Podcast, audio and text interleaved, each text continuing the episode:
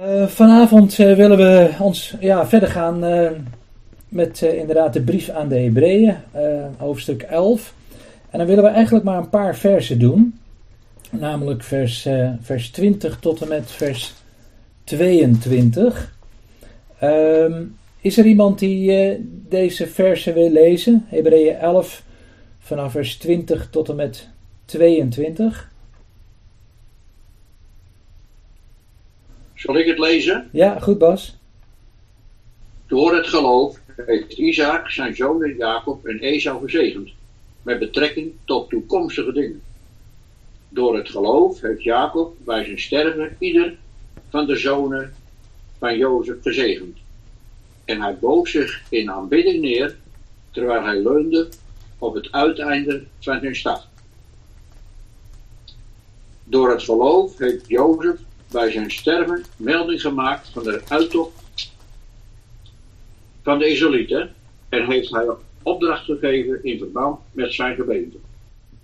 Tot zover? Ja, tot zover uh, Bas. Ja, dankjewel. Ja, het, we hebben natuurlijk gezien dat uh, eigenlijk dit hoofdstuk begint hè, met de mededeling hè, dat het geloof nu is een vaste grond van de dingen die men hoopt en een bewijs van de zaken die men niet ziet. Je zou kunnen zeggen van, uh, van dat uh, ja, principe, wat, waar, hè, waar eigenlijk dit hoofdstuk mee begint, zien we eigenlijk allerlei uh, uitwerkingen. Hoe dat geloof inderdaad ook in de praktijk van gelovigen tot, tot uitdrukking komt. Hè, van oud-testamentische geloven, gelovigen. Um, ja, en, en, eigenlijk zien wij, zullen we straks ook zien bij de versen die we net gelezen hebben, dat daar ook zo heel duidelijk dat eigenlijk wordt bevestigd. Hè? Het geloof nu is een vaste grond van de dingen die men hoopt. Hè? En je zou kunnen zeggen dat is eigenlijk een van de, van de ja, basiskenmerken van het geloof. Hè? Dat, dat het, het verbindt het heden met de toekomst. Het zet het heden, het leven van, van het hier en nu, plaatst het eigenlijk in het perspectief van de toekomst. En als we het hebben, en ik blijf het maar herhalen, als we het hebben over het geloof, dan hebben we het altijd over het woord van God. Paulus zegt in Romeinen 10, vers 17: Het geloof is uit het gehoor, en het gehoor is door het woord van God. En het is eigenlijk heel bijzonder hoe de Heer eigenlijk door dat woord ons, uh, ons uitzicht geeft. Uh, niet alleen hè, op de dingen van nu, en, en daar, hè, ook dat, daar spreekt natuurlijk het geloof over, dat zullen we straks ook zien. Hè, over de praktijk van het dagelijks leven, maar tegelijkertijd ook altijd in het perspectief van de eeuwigheid en van al datgene wat de Heer ons in zijn genade en vanuit zijn liefde heeft, heeft bereid. Ehm ja, dat houdt natuurlijk ook verband met het bewijs van de, de zaken die men niet ziet. Hè. Het, geloof uh, ja, hè, opent wel onze ogen voor dingen die wij met onze fysieke ogen niet, uh, niet kunnen uh, zien. als je kijkt ook naar vers 3, door het geloof zien wij dat de wereld tot stand gebracht is door het woord van God en wel zo dat de dingen die men niet ziet, niet ontstaan zijn uit wat zichtbaar is. Ja, door dat geloof mogen we deze dingen verstaan, die eigenlijk voor ons menselijk verstand verborgen zijn, maar die God ons vanuit zijn woord heeft geopenbaard. En waarbij het natuurlijk in het bijzonder gaat in het woord van God, uh, ja, om de persoon van de Heer Jezus Christus, waarin eigenlijk de volmaakte openbaring uh, van God uh, gegeven is. Uh, ja, een aantal kenmerken van, van het geloof, die, zoals we die inmiddels ook al uh, hebben behandeld. Ik, ik, ik noem er toch nog een, een paar. Uh, geloof werkt gehoorzaamheid uit. We hebben gezien dat Abel een beter offer bracht dan Kain. Ehm, dat was een, een, een, daad van gehoorzaamheid. We hebben gezien dat Abraham, toen hij geroepen werd, vers 8, gehoorzaam op weg ging. zonder te weten waar hij komen zou. Het was niet zichtbaar waar hij terecht zou komen. Maar hij deed dat hè, door het geloof. Ehm, en, en door het geloof, hè, door datgene wat God tot hem gezegd had, uh, is hij gehoorzaam op weg gegaan. Prachtige, ja, eigenlijk kenmerken van, van het geloof die natuurlijk zo één op één ook toepasbaar zijn, denk ik, hè, op het, ook op ons leven anno 2021. Hè. Heel veel zaken die voor ons verborgen zijn, maar geweldig dat we in vertrouwen op de Heer aan zijn hand hè, de, weg, de weg door het leven mogen gaan. En wij mogen dan, ja, uiteindelijk natuurlijk als het gaat hè, om de toekomst, mogen we wel weten waar wij uit zullen komen. Want ja, we weten dat we straks mogen uitkomen uh, bij Gods, uh, in Gods heerlijkheid. Dat is een geweldige troost. Hè? Denk aan Johannes 17, hè, waar de Heer ook bidt dat, uh, dat gebed van de Heer Jezus, dat zij ook mogen zijn waar ik ben, opdat zij ook mijn heerlijkheid aanschouwen. Een prachtig, prachtig hoofdstuk uit het Johannesevangelie. We hebben ook gezien dat geloof leidt tot persoonlijke wandel met God. Hè. Dus een, een, dat hebben we gezien bij Henoch, hè, die wandelde met God. Um, eigenlijk vanuit een hele persoonlijk kennen van, van de Heer, waarin hij eh, ja, ook ja, de gemeenschap tijdens zijn aardse leven ook tot uitdrukking kwam. Um, we hebben ook gezien, uh, en ja, herhalen we eigenlijk weer wat er staat in vers 1. Hè? Um, geloof ziet uh, over het hier en nu heen, hè, ziet naar de toekomst. En dan hebben we vooral ook stilgestaan bij Abraham en ook de andere um, gelovigen, hè, dat zij uh, de stad ver, verwachten die fundamenten heeft, hè, waarvan God de bouwer en ontwerper is. Abraham die ging op weg, zagen we net, naar, naar een plaats uh, ja, die hij uh, voorheen niet gezien had, die hij niet kende. dat was voor, voor wat betreft het land Canaan, waar hij uiteindelijk zou komen en dat God hem beloofd had en ook zijn nageslacht natuurlijk het land beloofd had. Maar uiteindelijk zien wij, dat is zo mooi met Abraham, dat zijn, zijn, ja, zijn, zijn gezichtsvermogen, hè, als het ware, zijn geestelijk gezichtsvermogen zich uitstrekt nog, nog, nog, nog ver boven hè, die, die aardse toekomst uit. En dat hij ja, de stad verwachtte die fundamenten heeft, waarvan ik geloof dat het hier gaat uiteindelijk om het hemels Jeruzalem. Nou, we hebben ook gezien de vorige keer, dacht ik, dat uh, uh, geloof ook ons kracht wil geven. Hè? Geloof dat Sarah, vers 11 en Hebreeën 11 hebben we het natuurlijk steeds over, kracht ontva ontvangen heeft om zwanger te worden en een kind te baren in haar hoge ouderdom. Uh, en dat zij, ja, eigenlijk vanuit dat vertrouwen dat de Heer die dat beloofd had, dat ook, ja, ook zou volbrengen uh, door zijn genade. Uh, kracht, dat we mogen ontlenen aan, aan het geloof. geloof dat dus zich richt op datgene wat de Heer ons in zijn woord heeft geopenbaard. Nou, we hebben ook gezien dat geloof in staat stelt om beproevingen te overwinnen. Uh, de vorige keer dacht ik stilgestaan bij Abraham, die bereid was om zijn zoon Isaac uh, te offeren. En dat, uh, ja, dat, dat, dat was een beproeving, kunnen we lezen in Genesis 22, maar die proef, beproeving heeft hij glansrijk doorstaan en, en hoe heeft hij dat kunnen doorstaan? Nou, ook door het geloof, door in gehoorzaamheid ook die weg te gaan.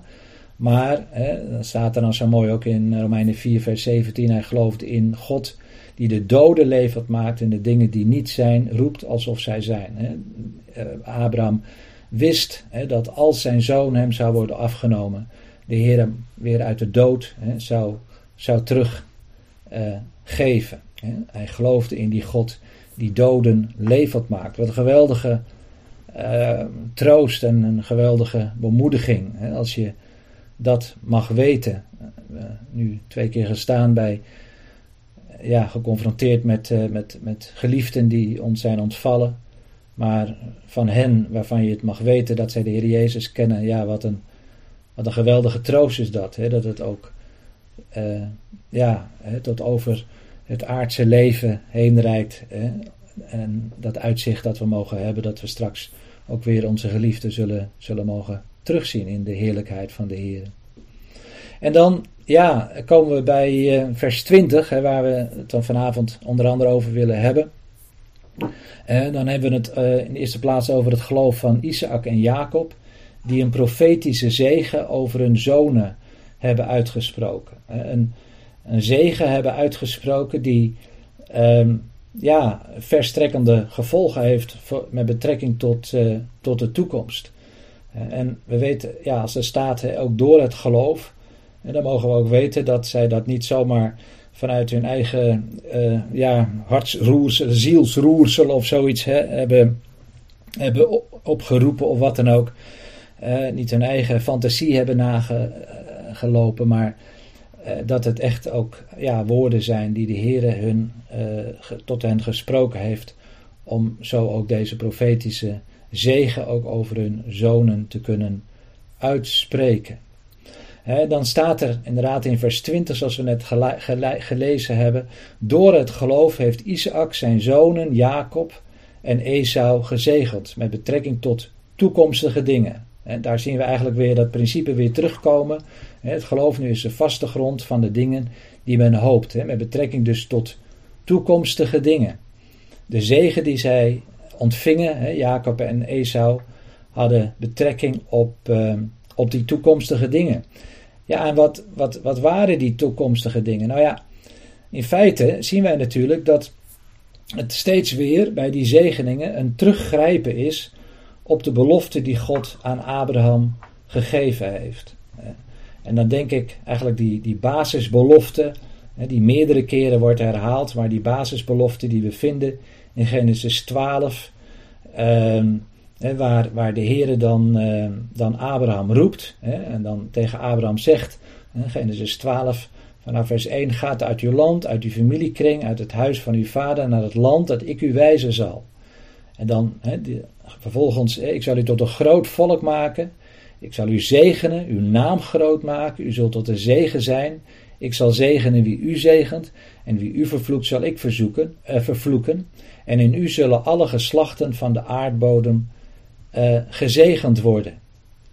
Nou, dat is eigenlijk die, die, die, die, die belofte, hè, die, die, die, en die roeping en die belofte die daar hè, natuurlijk aan die roeping verbonden is, die we eigenlijk zo als een, als een rode draad eigenlijk ook door, ja, door, door de geschiedenis van Israël uh, heen zien lopen. En niet alleen met betrekking tot de geschiedenis, maar natuurlijk uiteindelijk ook, uh, ook vanuit ons perspectief, vanuit de tijd waaruit wij leven, ook in de toekomst ook nog zijn volle vervulling zal, zal vinden. Hè? Dat, ja, dat, dat inderdaad ook de volkeren hè, ook, ook deel zullen hebben aan de, aan de zegen hè, die God aan Abraham gegeven heeft. En dat inderdaad ook die belofte van dat land ook, ook werkelijk ja, volledig in vervulling zal gaan. Er zijn nu wel Joodse mensen weer teruggekeerd naar het land. Um, maar dat is uh, maar heel gedeeltelijk. Hè? En dat is nu nog in ongeloof. Maar straks mogen we weten dat, uh, dat zij inderdaad, ook dat, dat land dat God Abraham gewezen heeft, uh, dat dat ook volledig ja, weer in hun bezit terug zal komen. En de Heere hen daar dan ook zelf zal zegenen. En vervolgens door de zegen, hè, door Israël te zegenen. en zijn rijk natuurlijk vanuit Jeruzalem op te richten. Ook de volkeren der aarde daarin ook uh, tot zegen zullen gesteld worden. Wat zal hun aanneming anders wezen dan leven uit de doden, hè, zegt, uh, zegt de apostel Paulus in Romeinen 11. Nou, dat vinden we dus ook weer terug met betrekking tot, tot de zegen ehm, die Isaac eigenlijk doorgeeft aan Jacob. misschien kun je kijken, even of meegaan met me naar Genesis 27.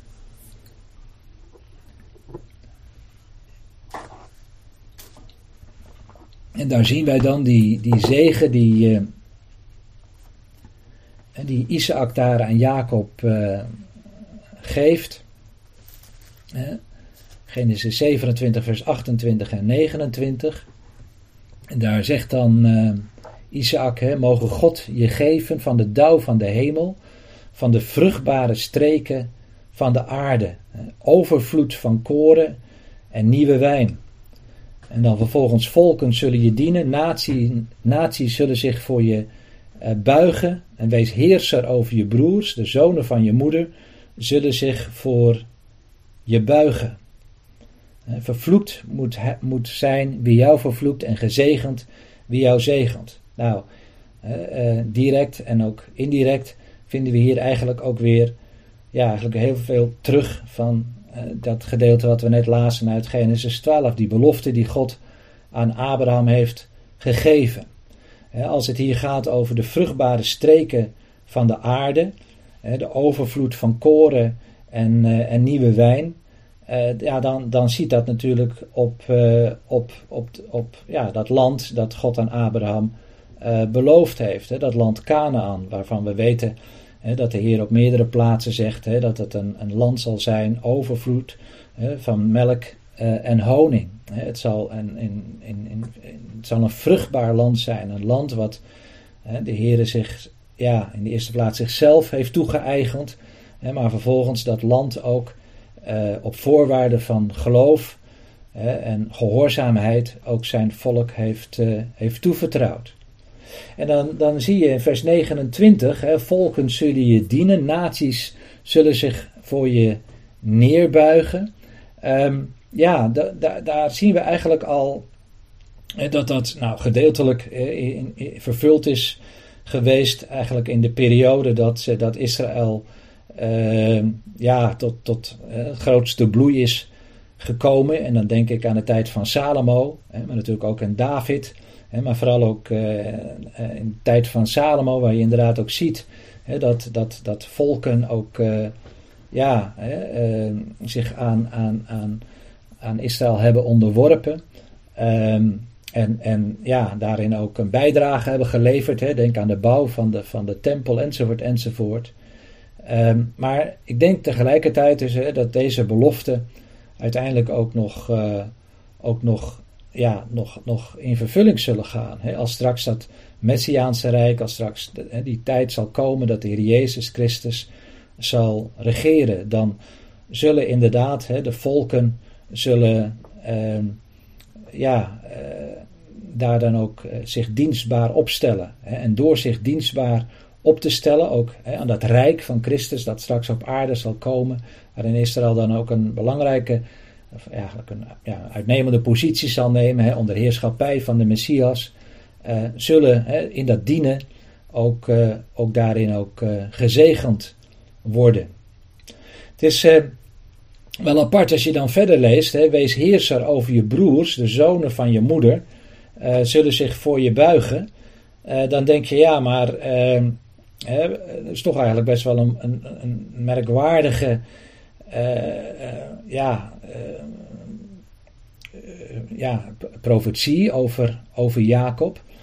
Um, maar als je daar wat verder over nadenkt, dan mag het natuurlijk duidelijk zijn dat met deze zegen uh, aan Jacob uh, uiteindelijk de Heer uh, ook, Isaac dan, hè, maar hij doet dat namens de Heer, eigenlijk ook een zegen uitspreekt ook over het nageslacht van Jacob. Hè. Want uit Jacob zijn natuurlijk hè, de twaalf zonen die uiteindelijk de, de twaalf stammen van Israël zijn gaan vormen. En dan, uh, ja, dan lijkt eigenlijk die profetie weer heel erg veel op uh, de zegen die wij vinden in Genesis 49. En dat is dan weer de zegen die Jacob uh, uitspreekt over Juda. We zullen, straks zien hè, hoe Jacob ehm, de zonen van, van Jozef en trouwens ook Jozef zelf zegent. Maar um, Jacob die in Genesis 49 eigenlijk hè, over al zijn zonen ook een profetische zegen uitspreekt. En dan als je kijkt in Genesis 49 vers 8 en 9, daar zegt dan Jacob iets heel bijzonders. Hè? Dan zegt hij, Juda, jij bent het, jou zullen je broers loven. Heel bijzonder, Juda, dat staat, gaat vanuit het Hebreeuws, ja, Jada, dat is loven, prijzen. En dat ligt erin opgesloten. Nou, jou zullen je broers loven. Je hand zal rusten op de nek van je vijanden en voor jou zullen de zonen van je vader zich neerbuigen. Juda is een leeuwenwelp. Van je prooi ben je opgestaan, dat is de beeldspraak wat hier wordt gebruikt, mijn zoon. Hij heeft zich gekromd, zich als een leeuw neergelegd, als een leeuwin. Wie zal hem doen opstaan? Nou, dat beeld van die leeuw, ja, de leeuw is de, is de koning der dieren. Um, en natuurlijk, Juda is ook de stam die God heeft uitgekozen om daaruit de koningen te laten voortkomen. Vandaar dat we ook lezen dat over de Heer Jezus dat hij ja, ook moest komen ook uit die stam van Juda. Dat, dat koninklijk geslacht, dat koninklijke stam. En dat, en dat, want, want als je dan verder leest, dan, dan zegt uh, vervolgens dan uh, Jacob: hè, De scepter zal van Juda niet wijken, en evenmin de heerserstaf van tussen zijn voeten, totdat Silo komt, en hem zullen de volken gehoorzaam, gehoorzamen. Nou, Silo is eh, eigenlijk een aanduiding voor de, voor de Messias, hè, die straks zal komen, die, uh, die werkelijk ook hè, uh, ja, als heerser straks zal, zal optreden. Uh, maar dus voortkomt uit, uit dus die stam van Juda. En zo zie je dus dat, dat eigenlijk in, in die zegen die Jacob hier, of die Isaac uitspreekt over Jacob, eigenlijk ook al die zegen al ligt opgesloten. En ook die, die geweldige profetie ligt opgesloten. Met betrekking dus tot, ja, tot de persoon van de Heer Jezus Christus. Hè, die uit Juda zal, zal voortkomen. En die dan ook uh, ja, uh, de heerser zal zijn uh, van de volken. Hem zullen de volken gehoorzamen. Um, je ziet hier eigenlijk al die, die prachtige verbindingen. Hè. Bedenk dat de Heer Jezus ook zei tegen de Emmausgangers, hè, het zei, of uh, ja, niet alleen, ja, niet tot de, ja, met de Emmausgangers eigenlijk al die schriften nagingen die over hem spraken. Maar ik moest ook denken aan de woorden van de Heer Jezus zelf. Het zijn de schriften die van mij getuigen. En da daar gaat het eigenlijk telkens weer opnieuw om. Hè, om de persoon van de Heer Jezus Christus, door wie de Heer zijn belofte volvoert.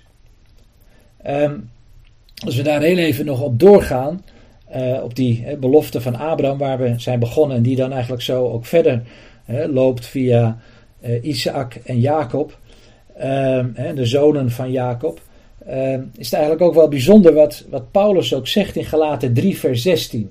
Ik denk dat dat voor velen van ons ook wel een eh, bekende tekst is waar we lezen in Galaten 3, vers 16. Wel nu, zo, zegt Paulus dan, schrijft Paulus, zo zijn de beloften aan Abraham en aan zijn nageslacht gedaan. Hij zegt niet aan de nageslachten, letterlijk staat er zaden, niet aan de zaden, niet aan de nageslachten, alsof er sprake zou zijn van velen, maar aan één, aan uw nageslacht, aan uw zaak. En dan voegt hij daaraan toe, en dat is Christus. En dus je ziet dat eigenlijk al die beloften uiteindelijk uitmonden bij de persoon van de Heer Jezus Christus. Hij is de erfgenaam van Abraham. En met, met de erfgenaam zijnde van Abraham is hij natuurlijk ook de erfgenaam van de belofte die God aan Abraham heeft gegeven. En, en zullen dus ook al die beloften, dus ook in hem, maar ook door hem, uh, hun vervulling krijgen. Het is door hem. En het is natuurlijk ook ook in hem. In, in de Heer Jezus Christus vinden natuurlijk heel veel schaduwbeelden van het Oude Testament vinden hun vervulling. Denk aan Hebreeën 10, waar staat, want de wet is slechts een schaduw van het toekomstige heilsgoed en niet het wezen van die dingen zelf. Het kan nooit met dezelfde offers die jaar in jaar uit ononderbroken gebracht worden, hen die naderen tot volmaaktheid brengen. Het, het waren die hele tempeldienst en die offers, dat, dat, wa, dat was een scha, waren schaduwbeelden. Die hebben uiteindelijk hun vervulling in, in de Heer Jezus Christus gevonden. Hij is dat volmaakte offer. Hij is de ware hoge priester die het ware hemelse heiligdom is binnengegaan. Maar dat laat natuurlijk onverlet dat tegelijkertijd ook die belofte die God aan Abraham gegeven heeft en die ook verder hè, natuurlijk gespecificeerd worden door, uh, door de profeten, hè, eigenlijk daar allerlei details aan worden toegevoegd. Dat het uiteindelijk ook door de Heer Jezus is, de erfgenaam van Abraham, door hem dat deze eh, beloften van God ook eh, zijn hun vervulling kunnen krijgen. Het is uit hem, door hem en tot hem, zegt Paulus, schrijft Paulus eh, in Romeinen 11 als een soort, ja, als een soort slotsom. Uit hem, door hem en tot hem. Ja, en dan is natuurlijk de vraag van hoe liep dan die lijn van dat zaad, hè, van dat nageslacht? Ja, en dan is het heel duidelijk dat, ehm, ja, dat die belofte van, van Isaac ehm, werd uitgesproken niet over Esau, ehm, maar over Jacob. Je zou verwachten dat, dat Isaac die, uh, die belofte zou geven hè, en die dat eerstgeboorterecht zou geven aan, uh, aan Esau, want hij was tenslotte de eerstgeborene. Um, maar de Heer die wijkt af van het, van het normale patroon, hè, van ja, de eerstgeborene die ook dat eerstgeboorterecht hè, dan ook krijgt. Um, en hij geeft dus die zegen aan Jacob. Um, en dat is denk ik ook wel een belangrijk uh, beginsel wat de apostel Paulus in Romeinen 9 verder uh, uitwerkt. Misschien kunnen we daar ook even naartoe, want daar wordt door Paulus, geïnspireerd door de Heilige Geest, eigenlijk een belangrijk commentaar gegeven op uh, het feit dat niet, uh, niet Esau, maar Jacob de zegen ontvangt. Nou, Romeinen 9, ik weet niet of jullie het inmiddels al gevonden hebben. dat begint natuurlijk met die enorme hartzeer van de apostel Paulus. Dat hij, ja, Romeinen 8 eindigt, hè, dat niets of niemand ons zal kunnen scheiden van de liefde Gods welke is in Christus Jezus, onze Heer. Dat is prachtig en dan, dan, ja, dan, dan lijkt het wel alsof Romeinen 9 dan ineens hè, een soort dieptepunt wordt. Hè, want hij zegt, ja, hè, dat, dat eh, ja, eigenlijk, een, eigenlijk een voortdurende smart heeft over zijn uh, volksgenoten. Uh, ja, uh, dan zegt hij dan in vers 3, want ik zou zelf wel wensen vervloekt te zijn, weg van Christus ten gunste van mijn broeders en mijn familieleden, wat het vlees betreft. Het, het, is een, het is een groot verdriet dat hem is ten deel gevallen, want ja, zij zouden toch eigenlijk als eerste, ja, ja, die, die, die zegen ten deel moeten vallen. hun zijn, zij zijn Israëlieten, zij, hun is de aanneming tot kinderen, de heerlijkheid, de verbonden, de wetgeving, enzovoort, enzovoort. En al die elementen waar, waarin Israël eigenlijk zijn voorrechten uh, had ontvangen van God, die, die, die somt Paulus hier voor een belangrijk deel op. En dan uiteindelijk, ja, dan, dan blijkt toch hè, dat, dat zij eigenlijk dat heil als volk althans hebben afgewezen. Natuurlijk zijn er altijd geweest die dat wel hebben aanvaard. Tot op de dag van vandaag hè, komen de Joodse mensen tot geloof. Vandaar ook hè, het belang, geloven wij, hè, om Joodse mensen ook uh, bekend te maken met het evangelie van de Heer Jezus Christus. Uh, maar als volk hebben zij, uh, hebben, zij dat, hebben zij het afgewezen. En ja, dat, dat was hè, eigenlijk, eigenlijk niet naar de verwachting. Hè. Je, je proeft ook de teleurstelling van Paulus in Romeinen 9. En dan, dan gaat hij verder. En daar wil ik dan ook even mee verder lezen met jullie in vers 6 van, van, uh, van Romeinen 9. En dan zegt hij: Ik zeg niet, ik zeg dit niet alsof het woord van God vervallen is. Dat is natuurlijk wel vaak de, de conclusie die, die heel wat uh, ja, christenen hebben gemaakt. Van ja, nou ja, goed, hè, al die beloften die God aan Israël uh, gegeven heeft, ja, dat, dat is eigenlijk allemaal uh, niet, ja, niet meer van toepassing. Want tenslotte, ja, ze hebben de Messias afgewezen. En met de Messias hebben zij ook de sleutel hè, eigenlijk afgewezen om ook tot die zegen hè, te komen. Uh, maar, zegt Paulus, het is, dit is niet alsof het woord van God vervallen is, want niet allen die uit Israël voortgekomen zijn, zijn Israël. Nou, dat is wel een hele aparte. Hoe zit het dan? Je zou toch zeggen, als je toch tot dat etnische uh, volk behoort, hè, dan, dan, ja, dan, dan behoor je, hè, dus ja, dan, hè, dan, dan ben je dan toch Israël. Nee, uh, zegt uh, Paulus, en dan verklaart hij dat verder. Ook niet omdat zij Abrahams nageslacht zijn, zijn zij alle kinderen. Maar alleen, maar, zegt hij dan, alleen dat van, van Isaac zal uw nageslacht genoemd worden. Van Isaac. En daar zie je dat, uh, dat het dus niet Ismaël was. We hebben de vorige keer ook gezien, uh, dacht ik. Uh, Abraham had twee zonen, Isaac en Ismaël. Ismaël was uit Hagar voortgekomen, maar dat was niet zoals God het bedoeld had. Hij had ehm, Abraham een, een lijfelijke zoon. Abraham en, en, en, en Sarah een, zoon beloofd. En en vandaar ook dat Isaac de zoon hè, der belofte is. Dus hier zie je eigenlijk al dat de Heere dus Isaac verkiest boven Ismaël. En dan zegt hij, vers 8, hè, dat is niet de kinderen van het vlees, zijn kinderen van God, maar de kinderen van de belofte worden als nageslacht geregeld, gerekend. Isaac was de zoon van de belofte. En dan vers 9, want dit is het woord van de belofte, rond deze tijd zal ik komen en dan zal Sarah een zoon hebben. Nou, dat is dan Isaac. En dan geeft hij een ander voorbeeld, vers 10. Niet, dit niet alleen, maar zo was het ook met Rebecca, die zwanger was van één man, namelijk Isaac, onze vader. Paulus spreekt hier als Jood, hij is onze vader. Isaac, onze vader. Want toen de kinderen nog niet geboren waren en nog niet goeds uh, of kwaads gedaan hadden, opdat het voornemen van God, dat overeenkomstig de verkiezing is, stand zal houden, niet uit de werken, maar uit hem die roept werd tot haar gezegd: De meerdere zal de mindere dienen. Het was dus het voornemen van God dat, eh, dat de Heere Jacob, hoewel hij eigenlijk de tweede zoon was, Jacob toch dat eerstgeboorterecht gegeven heeft, dat hij toch de meerdere was. Uh, of eigenlijk de mindere, maar de meerdere zal de, de mindere uh, dienen. Zo Zoals geschreven staat, hè, Jacob heb ik lief gehad en Esau heb ik gehaat. Um, nou, wat zullen wij dan zeggen? Is er ongerechtigheid bij God? Volstrekt niet. Want hij zegt tegen Mozes: Ik zal mij ontfermen over wie ik mij ontferm. En zal barmhartig zijn over wie ik barmhartig ben.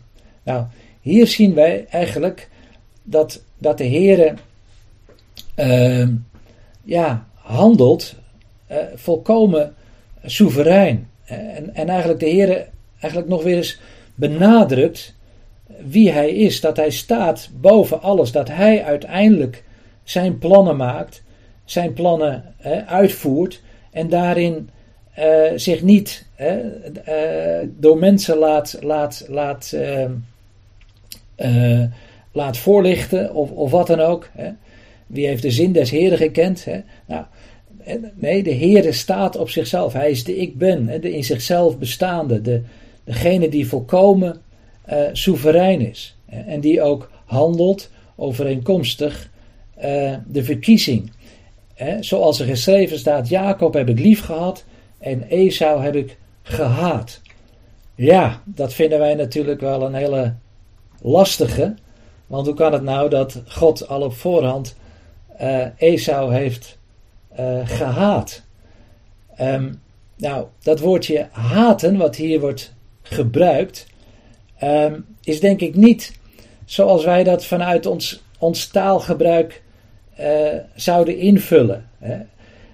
Um, bijvoorbeeld de Heer Jezus zegt in Lucas 14, vers 26: Als iemand tot mij komt en niet haat zijn eigen vader en moeder en vrouw en kinderen en broers en zusters, ja ook zelfs zijn eigen leven, die kan mijn discipel niet zijn.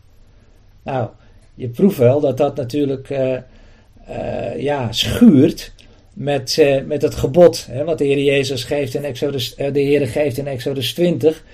eer uw vader en uw moeder, opdat uw dagen verlengd worden in het land dat de Heer uw God u geeft. ook een hele duidelijke belofte, hè, ook weer met betrekking tot, tot het land. Um, ik geloof dus als er hier staat, Jacob heb ik lief gehad en Esau heb ik gehaat, dat het hier gaat om een voorrangspositie. God die soeverein is in zijn keuze en, en, en dus bepaalt hè, dat, dat Jacob een voorrangspositie krijgt boven Esau. Zo heeft de Heer dat bepaald en zo heeft hij dat dan ook uh, uitgewerkt. Um, en dan is het zo, zo opmerkelijk, en dat heb ik ook geschreven ook in de Dabo-brief. Dat, dat intrigeert mij althans toch wel toch wel heel sterk ook in deze geschiedenissen. Dat enerzijds dus, dus God dat zo heeft bepaald, dat ook zo uitwerkt. Maar dat, dat, dat de Heer dat doet eigenlijk dwars door alle, alle, al dat menselijk gekronkel heen. Al die, ja, al die, die onvolmaaktheden, die, die juist ook deze mensen die het betrof zo hebben aangekleefd. En, en ik zeg dat met nadruk ook omdat we ja, misschien daarin ook wel onszelf uh, herkennen. En, en ja, verbaasd aan, uh, althans laat ik het daar maar even op mezelf uh, van toepassing brengen, hoe de Heer door, door, ja, door, door al jouw gebreken heen hè, en door al jouw ja, onvolkomenheden, dat de Heer toch doorgaat met zijn werk en toch zijn plannen uitwerkt. Nou, ik noem maar even enkele voorbeelden. Um, nou, Esau die had zijn eerstgeboorterecht hè, verkwanseld voor een bord uh, linzensoep. Uh, nou, je ziet daar eigenlijk de begeerte die, die hem eigenlijk uh, uit doet gaan. Hij was hongerig toen hij daar bij Jacob aankwam. Uh, en, en dan ja, heeft hij daar ehm, ja, zijn, zijn eerstgeboorterecht, hè, heeft hij daar ja, eigenlijk ingeruild om even tijdelijk hè, uh, ja, aan de behoeften van zijn lichaam te kunnen voldoen voor een bord linzensoep. Als je verder ook, ook, ook leest hè, in die geschiedenis uh, dat, uh, dat, dat, dat, dat dan op zeker moment, ik neem aan dat jullie die geschiedenis wel kennen, uh, dat, dat, dat Rebecca dan hoort dat, dat, dat Isaac uh, eigenlijk ja, Esau wil zegenen in plaats van Jacob. Zij, zij heeft haar oor goed te luisteren gelegd en heeft daar dus kennis van genomen. Um, ja, dan, dan zou je kunnen zeggen, nou, dan had ze naar, naar, Isaac toe kunnen gaan en had dat met Isaac kunnen bespreken. Van joh, nou ja, joh zal ze niet gezegd hebben, maar wat je nu doet, dat, dat, dat is niet in overeenstemming met zoals de Heer uh, dat uh, heeft gezegd. Ze had dat gesprek met, uh, met Isaac kunnen, kunnen aangaan. Maar ze kiest voor de weg van het bedrog. Ehm, door, door, door, door, door Jacob dan uh, als Esau te, te doen voorkomen. en dan uiteindelijk dan Jacob dan die zegen dan ontvangt. Um, Waarom vertrouwde ze niet op de Heer? Waarom vertrouwde ze niet op, de, op dat woord wat de Heer haar gegeven had? Want zij wist beter. We kunnen lezen in Genesis 25 dat als dan, eh, als dan Rebecca eh, zwanger is, dan eh, constateert ze dat, er, dat de kinderen in haar lichaam tegen elkaar stuiten. Dat kun je lezen in Genesis 25, vers 22 en 23. En dan, dan zegt zij, als dit zo is, waarom overkomt mij dit? Ik citeer even Genesis 25, vers 22 en 23. En dan is het zo mooi, dan gaat zij de Heere raadplegen. Nou, wat, is, wat is er mooier, om in zo'n zo'n zo'n omstandigheid waarin je ja, in, in, in verwarring bent geraakt of in verlegenheid bent gekomen, hè, om daarin dan de Heere te raadplegen. Dat zegt iets over het geloof hè, en het vertrouwen en de omgang die, ehm, die Rebecca met de heren had. Zij ging de heren raadplegen. En het mooie is dat als je de heren raadpleegt, dat hij ja, dan ook, zeker dus ook in dit geval, dan ook Rebecca ook antwoordt. De Heere zei tegen haar, en dan komt het, er zijn twee volken in uw schoot en twee naties zullen zich uit uw lichaam van scheiden. Het ene volk zal sterker zijn dan het andere en de meerdere zal de mindere dienen. Nou, dat is eigenlijk heel opmerkelijk. Je zou zeggen, de mindere die gaat de meerdere dienen. Nee, de meerdere dient de mindere. Nou, de meerdere, het mag duidelijk zijn dat dat Esau was. Hem kwam, hij was de eerste geborene. Hij, hem kwam uh, dat eerstgeboorterecht toe. En toch was zijn positie gesteld onder zijn jongere broeder Jacob. En daar zie je dus dat, ja, dat, dat, dat Rebecca dit geweten heeft. Ze had daar uh, Isaac op kunnen aanspreken. Eigenlijk, als je zo de geschiedenis verder leest, dan, dan heb je ook de indruk dat, dat er ook sprake moet zijn geweest van een stukje verwijdering tussen Isaac en Rebecca. En dat had hield verband met de kinderen. want we lezen in Genesis 25, vers 28. Isaac had Esau lief, omdat hij graag wildbraad at. Rebecca daarentegen had Jacob lief. Nou, als er iets opvoedkundig wel, wel helemaal uh, ja, verkeerd is, is dat je ja, dat je zo met je kinderen opgaat. Dat, dat, dat je als vader en moeder uh, eigenlijk ja, beide, hè, ieder voor zich uh, je lievertje hebt. Dat, dat kan natuurlijk niet. En zeker als je dan ook nog kijkt dat Isaac Esau lief had, omdat hij graag wildbraad at. Ja, weet je, dan denk je wel eens, wat is er in, ja, wat is er in deze mensen verkeerd gegaan? Hoe, is, zijn, ja, zijn, zijn, ja, zijn zij gedeformeerd om om, om tot dat, dit soort, ja, dit soort uh, ja, uh, gezindheid hè, eigenlijk uh, ja, uh, ja, in hun leven openbaar is geworden. Dat is gewoon buitengewoon triest. Ja, dan vervolgens dan, dan als je dan verder leest, hè, Jacob die dan ook ja, eigenlijk meegaat hè, in, die, in die hele leugenwereld. Hij verkleedt zich hè, met de kleren van Esau. Hij trekt een vel hè, van geitenbokjes over zijn handen en over zijn hals. Hè, en als zijn vader en naar de naam vraagt, want die, die, die, die zegt: Ja, dit is toch de stem van Esau. Ja, dan, dan naar de, zijn naam vraagt. Uh, nou, dan, dan, dan zegt Jacob, uh, dan liegt Jacob tegen Isaac door te zeggen: Ik ben Esau. En dan ook ja, dat wildbraad wat, eh, wat, wat hem dan zou voortgeschoten uh, zou worden. Nou, dat was natuurlijk helemaal geen uh, wildbraad, het waren twee bokjes van de kudde. Ja, misschien dat, dat we in, in deze dingen ook wel bepaalde elementen ook uit ons eigen leven herkennen. Het is zo makkelijk om op een gegeven moment toch even buiten het pad van de waarheid te gaan. En eventjes, ja, een, een leugentje om best of wat dan ook. Nou, ik denk dat het hier wel om een grove leugen gaat. Maar goed, uh, en, en daarmee eigenlijk God voor de voeten lopen. Want dat, dat is natuurlijk eigenlijk wat hier gebeurt. Uh, Jacob en ook uh, Rebecca had, hadden eigenlijk helemaal geen zorgen hoeven te hebben over, hè, dat, dat, dat, ja, over, over dat de Heer ja, zijn, zijn belofte gestand zou doen. Hè. En, en ja, je herkent daar dus feitelijk ook, ook een stukje ongeloof in.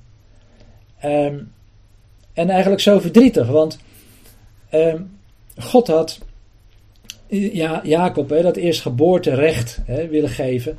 In feite op basis van, van zijn liefde, op basis van zijn, van zijn genade. Hè. Ehm, niemand kan enige recht doen gelden bij God. Hè. Ehm, en, en God had dat zo, zo beschikt. En, en dan zie je eigenlijk hoe, hoe toch hè, dat mooie plan van God uiteindelijk wel, wel, wel wordt, uh, wordt volvoerd. Hè, dat God daar ook mee, mee door zijn, tot zijn doel uiteindelijk wel komt.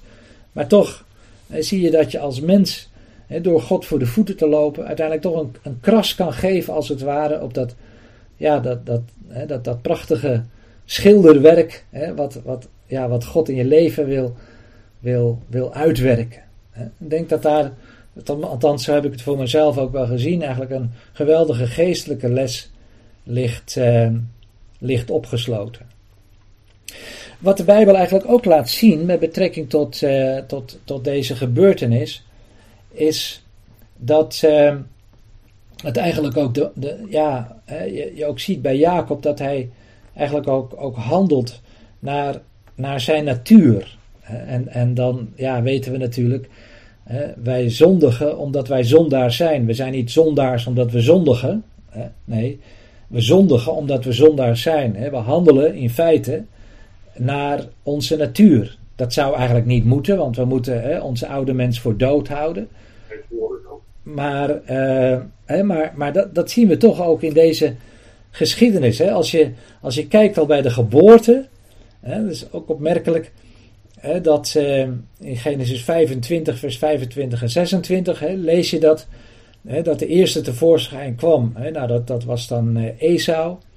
Ehm, en daarna kwam zijn broer tevoorschijn, terwijl zijn hand de hiel van Esau vasthield. En daarom gaf men hem de naam Jacob. Ik vind dat heel opmerkelijk. Jacob betekent hij die de hiel vasthoudt. Je ziet eigenlijk al hier, nou eigenlijk al, al bij de geboorte als het ware de, de natuur van Jacob. En die natuur van Jacob die wij natuurlijk ook hebben, die gevallen, die gevallen natuur, die oude mens. Hè, die, die als het ware zelf hè, in eigen kracht uh, ja, zijn leven wil, wil besturen. Zijn, hè, eigen kracht eigenlijk, eigenlijk ja, de, de dingen uh, tot stand wil brengen. Um, ja, en dan, dat, dat, nou ja, goed, dat komt, dat, dat komt eigenlijk ook weer terug. Hè, in dat, in, hè, dat, dat, dat, dat Esau dan hè, bij Jacob komt en, hè, en, dan, uh, en dan graag hè, van, van, van die soep wil, uh, wil drinken. Hè, en dan, dan zei, zegt Jacob, hè, je kunt dat lezen in Genesis 25, en verkoop mij dan je eerstgeboorterecht. Hè. Uh, ook weer dat, dat, dat zelf willen doen, dat zelf willen handelen, dat zelf naar zich toe willen trekken. God had het beloofd, hij had dat kunnen kunnen, kunnen wachten gewoon op hè, dat de Heer dat ook werkelijk zou, zijn belofte zou, eh, zou nakomen. Maar hij neemt het eigenlijk in eigen hand, heel herkenbaar. En dan eigenlijk het hele verdrietige, hè, dat, dat, uh, dat Esau dan antwoordt, Genesis 25, vers 32. Hè, en dan zegt, zie ik ga toch sterven, wat moet ik dan met het eerstgeboorterecht? Eigenlijk, ja, Esau's gezichtsveld gaat niet verder dan, dan, dan dit aardse leven. Hè. Dat is ook de weg van ongeloof. Hè. Geloof is nu de zekerheid der dingen die men hoopt. Nou, dat zien we eigenlijk bij Esau niet terugkomen. hij, hij, hij richt zich eigenlijk op, eigenlijk op dit, dit, dit aardse leven, dat hier en nu. Ik ga toch sterven. Hè. Hij zag niet over, de, ja, over, het, over, over, over het aardse leven, hè, dat tijdelijke aardse leven heen. Um, ja, en dan toch staat er in Hebreeën 11 vers 20, laten we daar eens weer snel naar terug gaan, um, hè, dat, um, dat door het geloof Isaac zijn zonen Jacob en Esau heeft gezegend. nou, hoe kunnen we dat nou verklaren? Wat, hoe kan dat nou door het geloof? Want, want, want ja, je leest eerst dat hij toch uh, Esau uh, wilde zegenen. Uh, en dan, nou ja, eigenlijk door een list, dan, dan, ja, dan wordt dan Jacob gezegend. Nou, het mooie is, als je kijkt in, ehm, in Genesis 28, ehm, daar vinden we weer opnieuw dat Isaac een zegen uitspreekt. maar dat is dan op het moment dat Jacob uh, of dat uh, Isaac weet uh, dat, dat hij in plaats van Esau Jacob gezegend heeft. En dan zien wij in Genesis 28 dat eigenlijk als, als het ware dan toch Jacob, Isaac Jacob zegent. En ik mag toch aannemen dat, dat hij dit dus ook echt ook door het, door het geloof doet, deze profetische zegen uitspreekt. Laten we dat even lezen, Genesis 28, vanaf vers 1. Daar zien wij dan hè, dat uh, Isaac Jacob dan bij zich roept. En hij zegende hem, zie je? Genesis 28 vanaf vers 1. En hij gebood hem en zei tegen hem: Neem geen vrouw uit de dochters van Canaan. Sta op, ga naar Padan Aram, naar het huis van Betuel, de zoon van je moeder. Dat was dus Rebecca. En neem vandaar een vrouw voor je uit de dochters van Laban, de broer van je moeder. En dan staat er, hè, en mogen God de Almachtige je zegenen en je vruchtbaar en talrijk maken, zodat je tot een menigte van volken zult worden. Mogen hij je de zegen van Abraham geven. Zie je dat hier komt, komt hij weer terug op de zegen van Abraham. Mogen hij je de zegen van Abraham geven. Jou, maar ook je nageslacht zodat je het land waar je vreemdeling bent, dat God aan Abraham gegeven heeft, in bezit krijgt. En daar kom je, wat ik net eigenlijk ook, wat ik mee begon, eigenlijk ook weer terug bij Genesis 12. De belofte wordt hier weer voortgezet. De belofte die gaat over van, eh, van Abraham op Isaac en van Isaac op Jacob. Ja, prachtig die, hoe, dat woord van God consistent is, hoe dat woord van God ja, eigenlijk, eigenlijk ja, steeds weer ja, zo, zo vast blijft houden aan die, die rode lijn die, uh, ja, die, die God uh, gegeven heeft en die hij dan ook zelf uh, dan ook, ehm, ja, waar hij dan ook zelf garant voor staat. Nog even terug naar, naar, naar Jacob, want Jacob heeft dan zijn vader bedrogen. En, en toch denk ik dat Paulus zegt in Galaten 6, vers 7: Dwaal niet, God laat niet met zich spotten, want wat de mens zaait, zal hij ook oogsten. Nou, je ziet eigenlijk twee lijnen in het leven van Jacob. Je ziet enerzijds de lijn dat God hem inderdaad zegent, dat God een waarmaker is van zijn woord, dat God een waarmaker is van zijn belofte. Maar tegelijkertijd zie je eigenlijk ook in het leven van, van Jacob dat hij in zekere zin ook oogst wat hij gezaaid heeft. Hij heeft zijn, zijn vader uh, bedrogen. Ook opmerkelijk dat, uh, dat, dat Esau daar ook naar verwijst in Genesis 27, als hij tot de ontdekking komt dat, dat Isaac de zegen niet aan Esau, maar aan Jacob gegeven heeft. dan staat er in Genesis 27, vers 36, hij zei erop, dat was dus Esau, wordt hij niet terecht Jacob genoemd, omdat hij u met, met omdat hij mij nu twee keer bedrogen heeft. Hij heeft mij het eerstgeboorterecht afgenomen en zie, nu heeft hij mij ook de zegen afgenomen. Ehm, dus, dus in die naam Jacob, dat, dat verklaart eigenlijk Esau, en dat ligt denk ik ook wel in die naam ook, ook opgesloten, althans dat, dat is de verklaring die Esau uh, daar uh, aan geeft van, van bedrieger. Hij maakt zijn naam eigenlijk waar. Hij, hij is ja, hij heeft, heeft dat bedrog uh, gepleegd. En dan, als je dan verder leest, hè, dan, dat als dan inderdaad Jacob doet wat Isaac tegen hem zegt, hè, namelijk naar het huis van Laban gaan, uh, dan wordt Jacob dus ook bedrogen. Hij, krijgt, je zou kunnen zeggen, een koekje van eigen deeg. Hij heeft zijn vader bedrogen, hij heeft zijn broer bedrogen, en hij krijgt eigenlijk een, koekje van eigen deeg. Ehm, in plaats dat hij Rachel krijgt, krijgt hij Lea. Nou, ik zeg in plaats van, want hij heeft uiteindelijk Rachel ook gekregen. maar het is, het is wel eigenlijk bijzonder hoe, hoe, Jacob dat typeert in Genesis 31. Misschien kun je daar nog heel even naartoe als je nog uh, in het boek Genesis bent. Genesis 31, vers 41 en 42.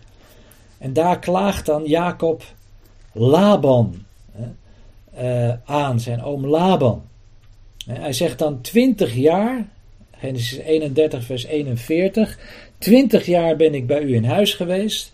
14 jaar heb ik u gediend voor uw beide dochters. En 6 jaar voor uw kleinvee. En u hebt mijn loon tien keer veranderd. En dan zegt hij vervolgens iets heel moois. En dan zie je dus die twee lijnen in het leven van Jacob.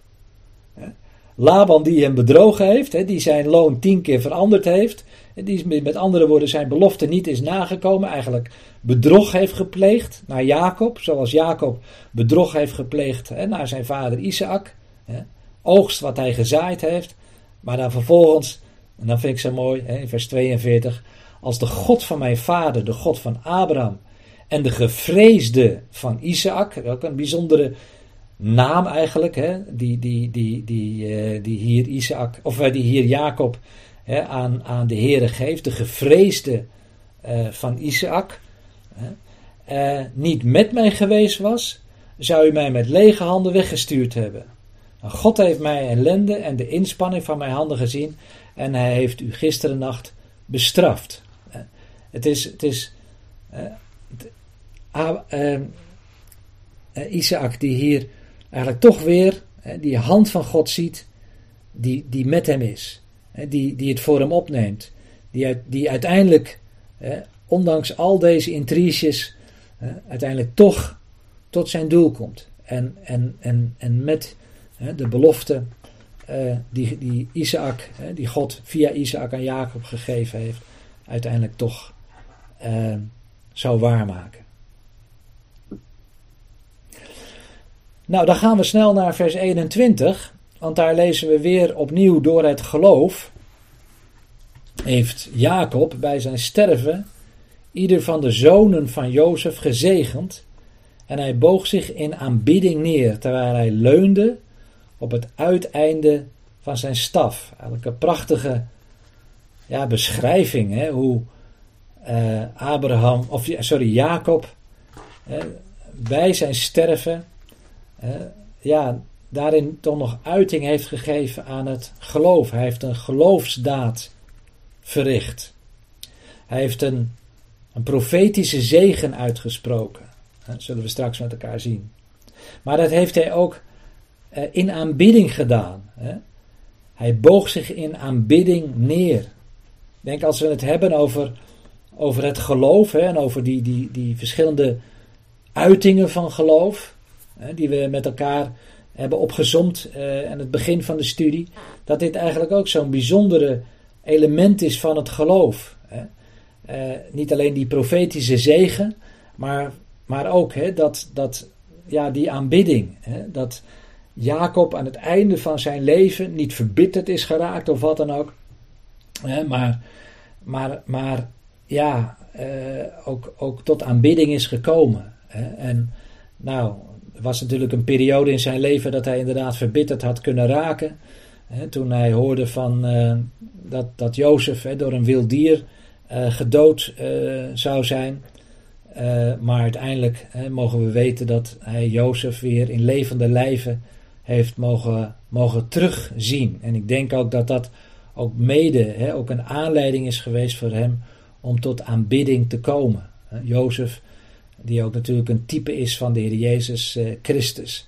en hij, ja, die ook ons, als het goed is, ook tot aanbidding brengt. Leunend op zijn staf. Ehm, ja, hij, hij, hij, hij leunt niet op zijn eigen kracht meer. Wat kenmerkend was voor het leven van Jacob. Maar hij leunt op zijn staf. Hij kon niet meer in eigen kracht zich overeind houden. Hij had zijn staf uh, nodig hè, om, om daarop te leunen. Ik moet hier denken aan de woorden van Paulus: als ik, als ik, als ik zwak ben, dan ben ik sterk. De Heere die zijn zwakheid hè, ten volle openbaart in onze uh, zwakheid. Leunend op zijn staf. Ik denk dat je dat staf, die staf ook mag zien ook als een beeld van het woord. Hè. Jacob die ook vertrouwde op het woord. Hè. En uh, en dat woord, hè, wat van God afkomstig was. Als je het hebt over de staf, ja, dan denken we denk ik al gauw ook aan Psalm 23. Hè, als, uh, als David zegt, al ga ik door een dal voor een schaduw van de dood. Ik zou geen kwaad vrezen, want u bent met mij. En dan zegt hij, uw stok en uw staf, die vertroosten mij. Het was niet Davids stok, niet Davids staf, maar het was Gods stok en Gods staf die hem vertroost. En zo denk ik dat we hier ook wel een beeld ook in mogen zien. Hè, dat, uh, dat, dat Jacob ook echt vertrouwde hè, op dat woord van God. En, uh, en op basis daarvan hè, uh, ook die profetische zegen heeft, heeft uitgesproken. ja, wat, wat mij eigenlijk ook zo opvalt is dat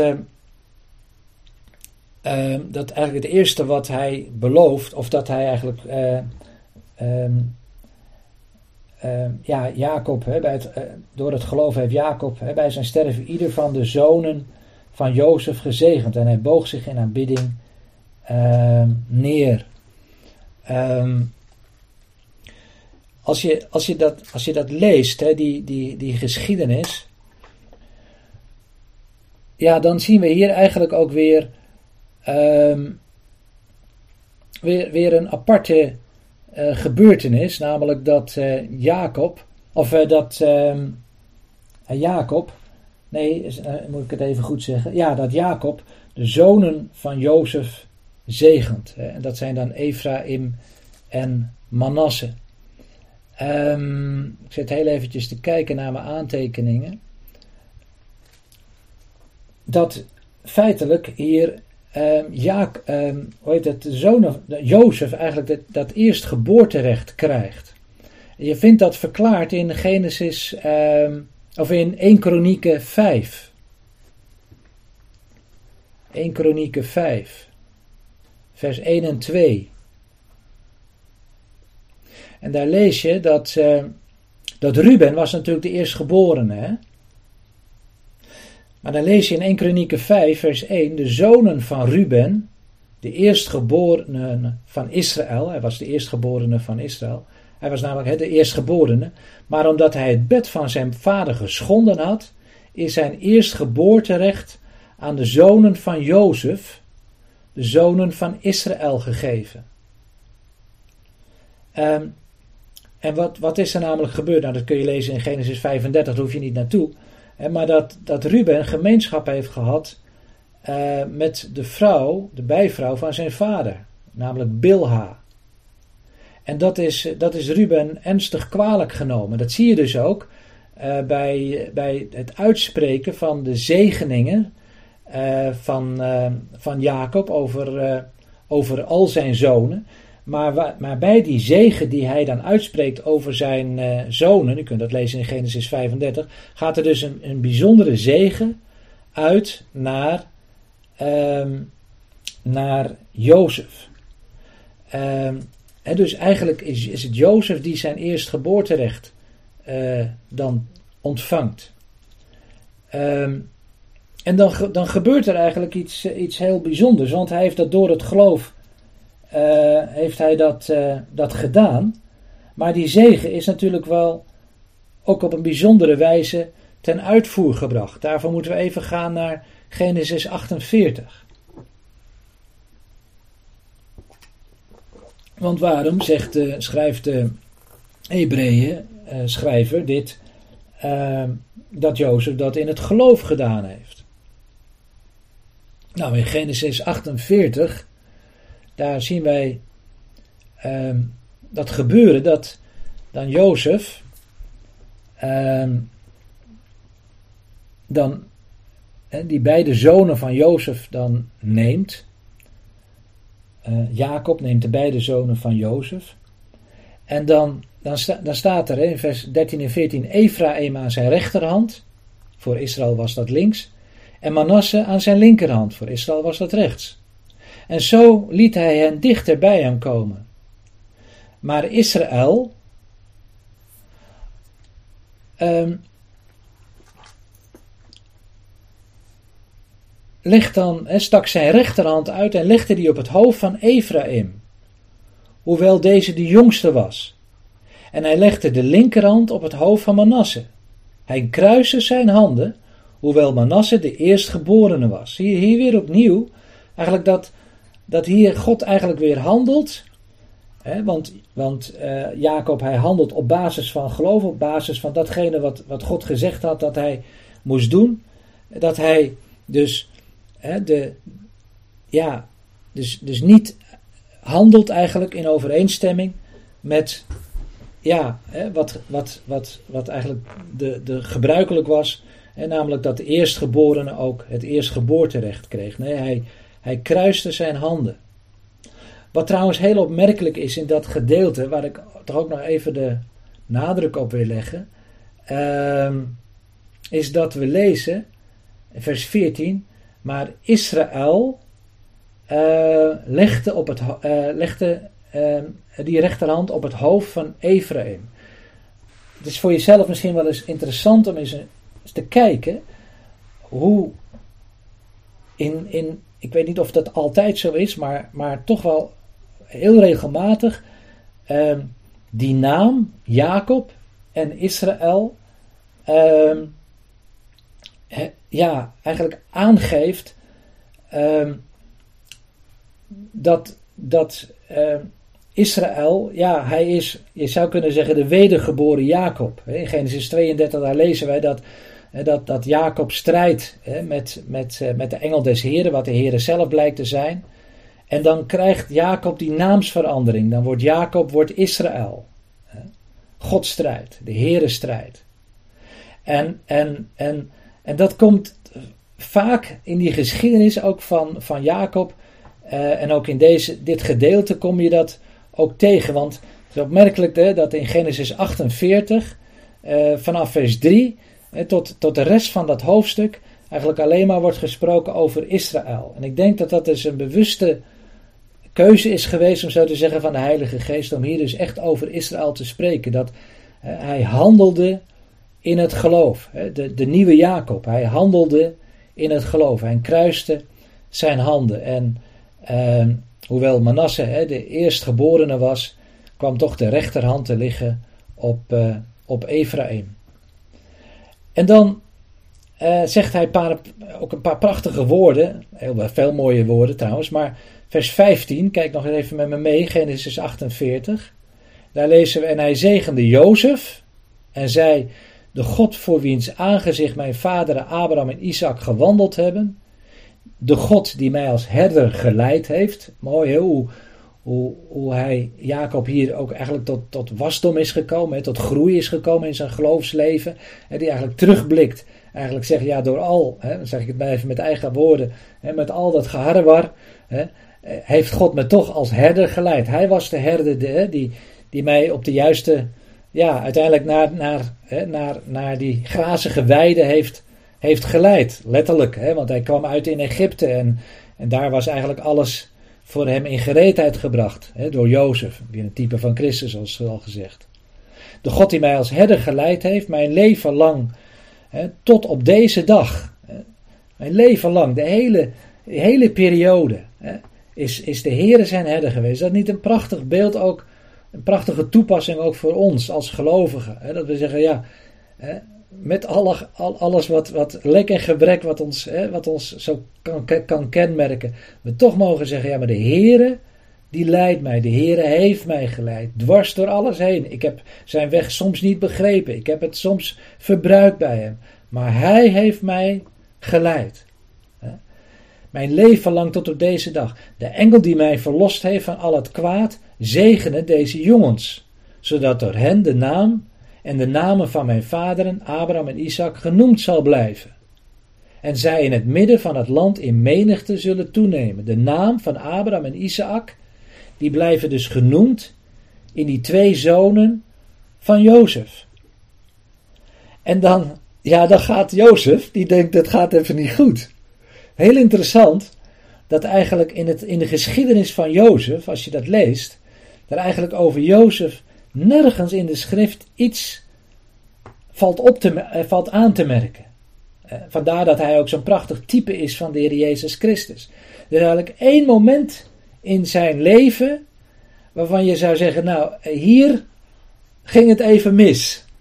Zou je kunnen zeggen. Maar misschien kan je dat ook wel afzwakken door te zeggen, ja, in zijn oprechtheid heeft inderdaad Jozef gemeend dat zijn vader het het verkeerd deed. Hè? Jacob, die ook al uh, door zijn ouderdom, kun je lezen in Genesis 48, vers 10, ook al niet meer goed kon zien. Dus je kan je voorstellen dat dat ook, ook bij, bij, bij Jozef ook heeft meegespeeld.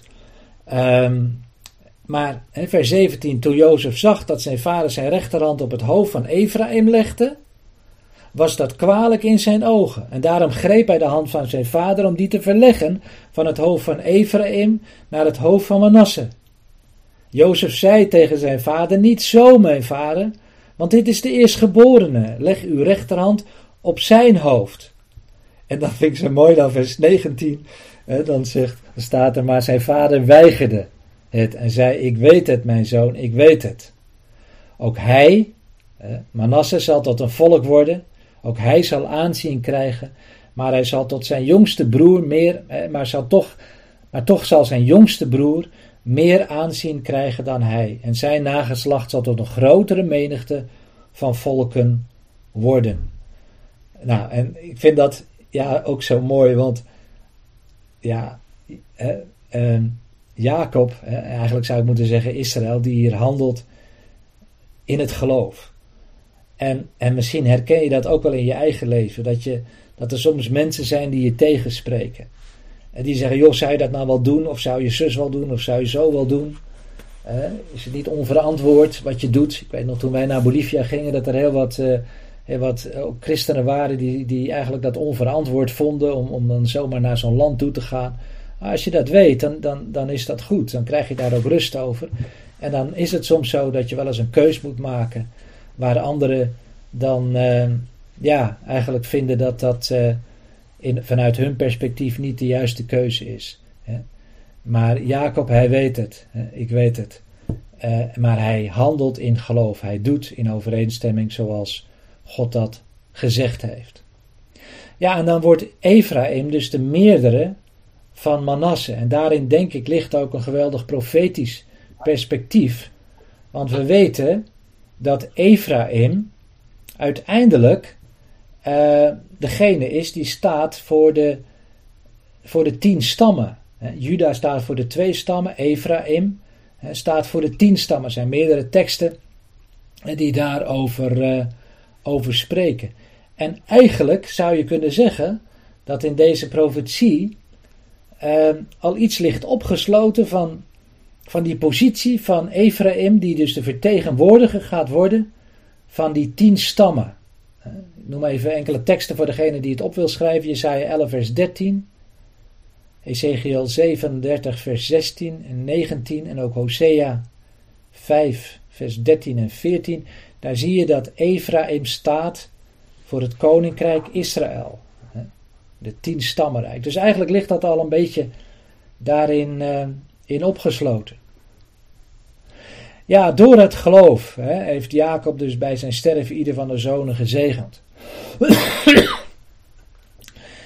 en, en weet je wat hier denk ik ook nog zo mooi in opgesloten ligt? Dat ja, Ephraim en Manasse dus ook ja, eigenlijk die zegen dan ook, ja, mag je aannemen, ook, ook zo in het geloof hebben ontvangen.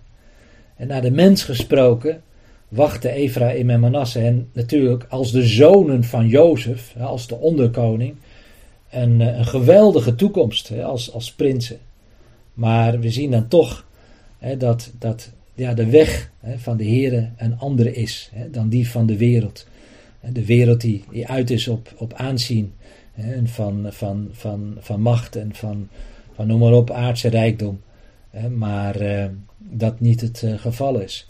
De Heere gaat zijn weg. Net zoals hij ook ja, zijn weg ook met ons gaat. Hè? Dat we ons niet richten op, op aardse dingen, hè? op aardse positie, op aardse goederen, op aardse rijkdom. Hè? Maar dat we mogen weten dat de Heer voor ons een beter plan heeft. En dat hij dat ook zal uitwerken. Ik denk dat daar ook een, een prachtige uh, toepassing ook uh, in ligt. En dan uh, Genesis 48 vers 21 en dan ook weer die taal van het geloof. Uh, toen zei Israël tegen Jozef, hè, weer Israël, hè, niet Jacob, Israël. Toen zei Israël tegen Jozef: Zie, ik ga sterven, maar God zal met jullie zijn. Hij zal jullie terugbrengen naar het land van jullie vaderen. En daar kom je weer terug, eigenlijk weer hè, bij Genesis 12. Het land van jullie vaderen, het land dat God aan Abraham, Isaac en Jacob heeft, uh, heeft beloofd. Nou, dan als slot uh, vers 22 nog. Uh, en daar gaat het uh, over het geloof dat vertrouwt op het profetische woord. We hebben net gezien het geloof van, van Jacob dat, dat profetisch spreekt. ik denk dat als je kijkt naar vers 22, dat het gaat over het vertrouwen op dat profetische woord. Want, daar staat er in vers 22, door het geloof heeft Jozef bij zijn sterven melding gemaakt van de uittocht van de Israëlieten en heeft zijn opdracht gegeven in verband met zijn gebeente. Uh, Jozef, hij maakte melding van de uittocht van de Israëlieten. Ik denk, ik heb ooit eens een keer een boekje geschreven over, over Jozef, hè, als type van de Heer Jezus Christus. Als ik nou die rij van geloofsgetuigen had, had opgeschreven, hè, dan, eh, dan zou ik denk ik uitgebreid hebben stilgestaan bij het leven van Jozef. Hè, bedenk dat van de 50 hoofdstukken van het boek Genesis, er maar liefst 12 zijn gewijd aan het leven van Jozef. dus ook als je, als je het in verhouding neemt, dan, dan, dan ook, ook, ook als je het zou zien, ook als je het zou uitdrukken, ook in tijdsperspectief. Uh, ja, dan is het heel opmerkelijk dat, dat de Heer zoveel aandacht geeft aan het leven van Jozef. En, en dan, dan denk je, ja, wat komt, om nou zo maar een beetje menselijk te zeggen, Jozef er toch een beetje bekijkt vanaf. Eigenlijk met, met, maar één vers. Hè? Door dat geloof heeft Jozef bij zijn sterving melding gemaakt van de uittocht hè, van de Israëlieten. Maar laten we wel wezen, eh, Jozef die was ook voor dat doel ook geroepen. Als, als Jozef niet vooruit hè, naar God, door God gestuurd was, hè, naar Egypte, dan, dan, dan, zou, dan zou dat volk zijn omgekomen in Canaan, hè, door, door de hongersnood die er was. Komen we daar straks nog even op terug. Dus, dus eigenlijk is, is, het, is het een prachtige samenvatting van ja, eigenlijk de roeping van Jozef. Jozef die door zijn roeping, door de weg die God in, met zijn leven is gegaan, heeft, daardoor is inderdaad die belofte van God in vervulling kunnen gaan. En daarom kon hij ook spreken over de uittocht van de Israëlieten. Want natuurlijk, niet Egypte was het land der belofte, maar Canaan was het, lot, eh, was het, het woord, was het land van de belofte. En dan, dan ja, dan eigenlijk, als hij dit zegt, ik zei al, het is het, het, het vertrouwen op het profetische woord, het geloof op het profetische woord, in het profetische woord. Wel, het was al aan Abraham al voorzegd, zo'n 200 jaar tevoren. Kun je lezen in Genesis 15, vers 13 en 14, dat de Heere zegt tegen Abraham: Weet wel dat uw nakomelingen vreemdelingen zullen zijn in het land dat niet van hen is. Nou, dat was Egypte. Daar waren ze vreemdelingen. Zij zullen hen dienen en men zal hen 400 jaar onderdrukken. Maar ook zal ik over het volk dat zij zullen dienen recht spreken. En daarna zullen zij met veel bezittingen wegtrekken. Nou, eigenlijk maar twee versen. Hè, eh, waarin die, die, ja, die, die geweldige pro, profetische vergezichten aan, aan Abraham worden gegeven. Zowel met betrekking dus tot de tijd dat zij in Egypte zouden zijn. Hè, waar, waar zij dan de Egyptenaren zouden dienen waar zij onderdrukt zouden worden, maar ook dat de Heere er ook voor zou zorgen dat zij zouden um, rechts, dat, dat zij zouden verlost uh, worden en dat de Heere ook zou recht spreken over, over Egypte. Nou, dan zit je natuurlijk helemaal in het boek Exodus. Hè, dat ze met veel bezittingen zouden wegtrekken. Die bezittingen die nodig waren uiteindelijk ook hè, om die tabernakel te bouwen en, en al die, alles wat daar mee samenhangt. Eigenlijk zie je eigenlijk maar in een paar versen dat, dat het eigenlijk dat hele, ja, dat hele perspectief, hè, als het ware, al geschetst wordt. En dat, dat perspectief, die woorden, die neemt Jozef hier, uh, hier dan ook mee. Hè? En maakt hij dus melding uh, van de uittocht uh, van, van de Israëlieten. Um, ik zei het al, wil, ik wil die tekst al nog, ook nog heel even noemen. Ik zei al dat Jozefs leven um, ja, was, was, was bedoeld, door God was gebruikt, kan ik beter zeggen, om, om dat volk in leven te houden. En dat, dat vind je prachtig beschreven. En eigenlijk moet je daar heel even naartoe, naartoe gaan, naar Genesis uh, eh, 50, waar dan, dat is na Jacobs dood. En dan maken die broers van Jozef, die hem dus uiteindelijk verkocht hebben, weet je wel, uh, aan die Ismaëlieten. Dan maken die, die broers van Jozef, die maken zich grote zorgen. Want die denken, ja, nou is Jacob, uh, onze vader, gestorven. En nou zal, zal Jozef al even uh, afrekening houden met ons. En dan moet je kijken hoe Jozef dan, dan de woorden die Jozef dan spreekt. Hè, Genesis 50, vers 18 lees je dan hè, vanaf vers 18. Daarna gingen ook zijn broers naar hem toe. Hè, de broers van Jozef. Zij vielen hem voor hem neer en zeiden: Zie, wij zullen u tot slaven zijn. Nou, hier moet je eigenlijk denken aan de verloren zoon. Die dan, als hij teruggaat naar de vader, eigenlijk zegt: Ja, ik ben niet waard om uw zoon te zijn. Hè, maak maar, mij maar als een van uw dienstknechten. Nou, dat is eigenlijk wat die, wat die, wat, wat, wat die broers van Jozef eigenlijk als het maximale, hè, eigenlijk, eigenlijk voor mogelijk hielden. Dat ze dan in ieder geval hun leven gespaard zou worden. En dat ze dan maar tot slaven zouden zijn. Nou, dat zou later dan in Egypte gebeuren. Maar hier nog niet. Want kijk maar eens in vers 19. Jozef zei daarop tegen hen: Wees niet bevreesd. Want, want sta ik soms op de plaats van God. God die gaat over leven en dood. Sta ik soms in de plaats van God? Jullie weliswaar jullie tot twee keer toe, let op, als het ware hij hier zijn vinger uitsteekt, jullie weliswaar, jullie hebben kwaad tegen mij bedacht, maar God heeft dat in goede gedacht, om te doen zoals het op deze dag is, een groot volk in het leven te houden. Nu dan, wees niet bevreesd, ikzelf zal jullie en jullie kleine kinderen onderhouden. En zo troostte hij hen en sprak tot hun hart.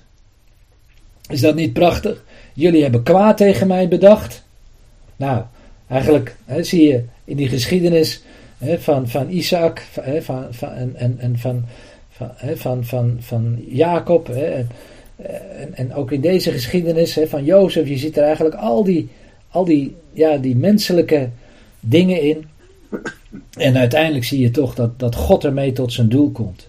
Jullie hebben het wel tegen mij ten kwade bedacht.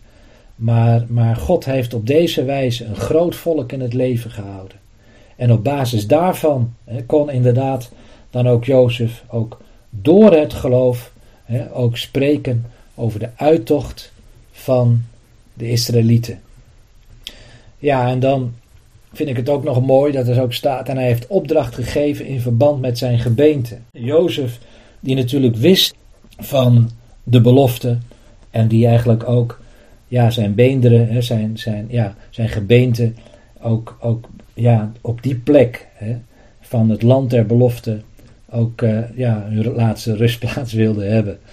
Um, hè, dat, dat ligt er natuurlijk in opgesloten. Hè, dat, dat, uh, en, en, ik denk tegelijkertijd dat er ook nog uh, iets, iets anders hè, ligt opgesloten, namelijk menselijkerwijs had Jozef natuurlijk bijgezet geworden als onderkoning in Egypte.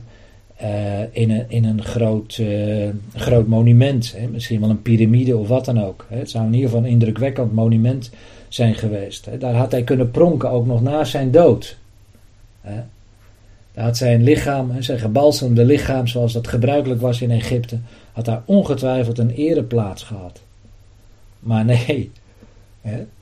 heel mooi dat Jozef kiest voor dat andere. Hij wil dat zijn gebeente wordt meegenomen en dat, uh, dat dat dan ook begraven zou worden in het land uh, der belofte. En dat zie je eigenlijk ook terugkomen, hè, dat dat ook zo in vervulling uh, zal gaan. Hè.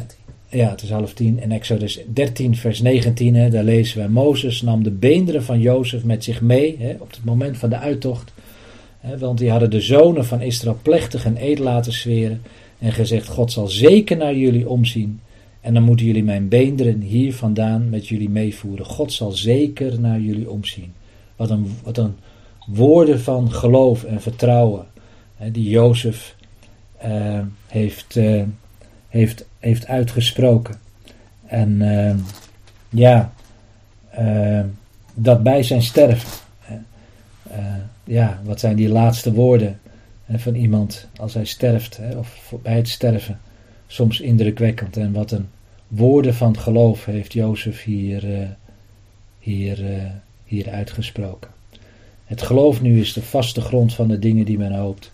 En het bewijs van de zaken die men niet ziet. Nou, we zien ook hierin hoe dat bij Jozef ook, ja, ter volle bewaarheid is geworden. Tot zover.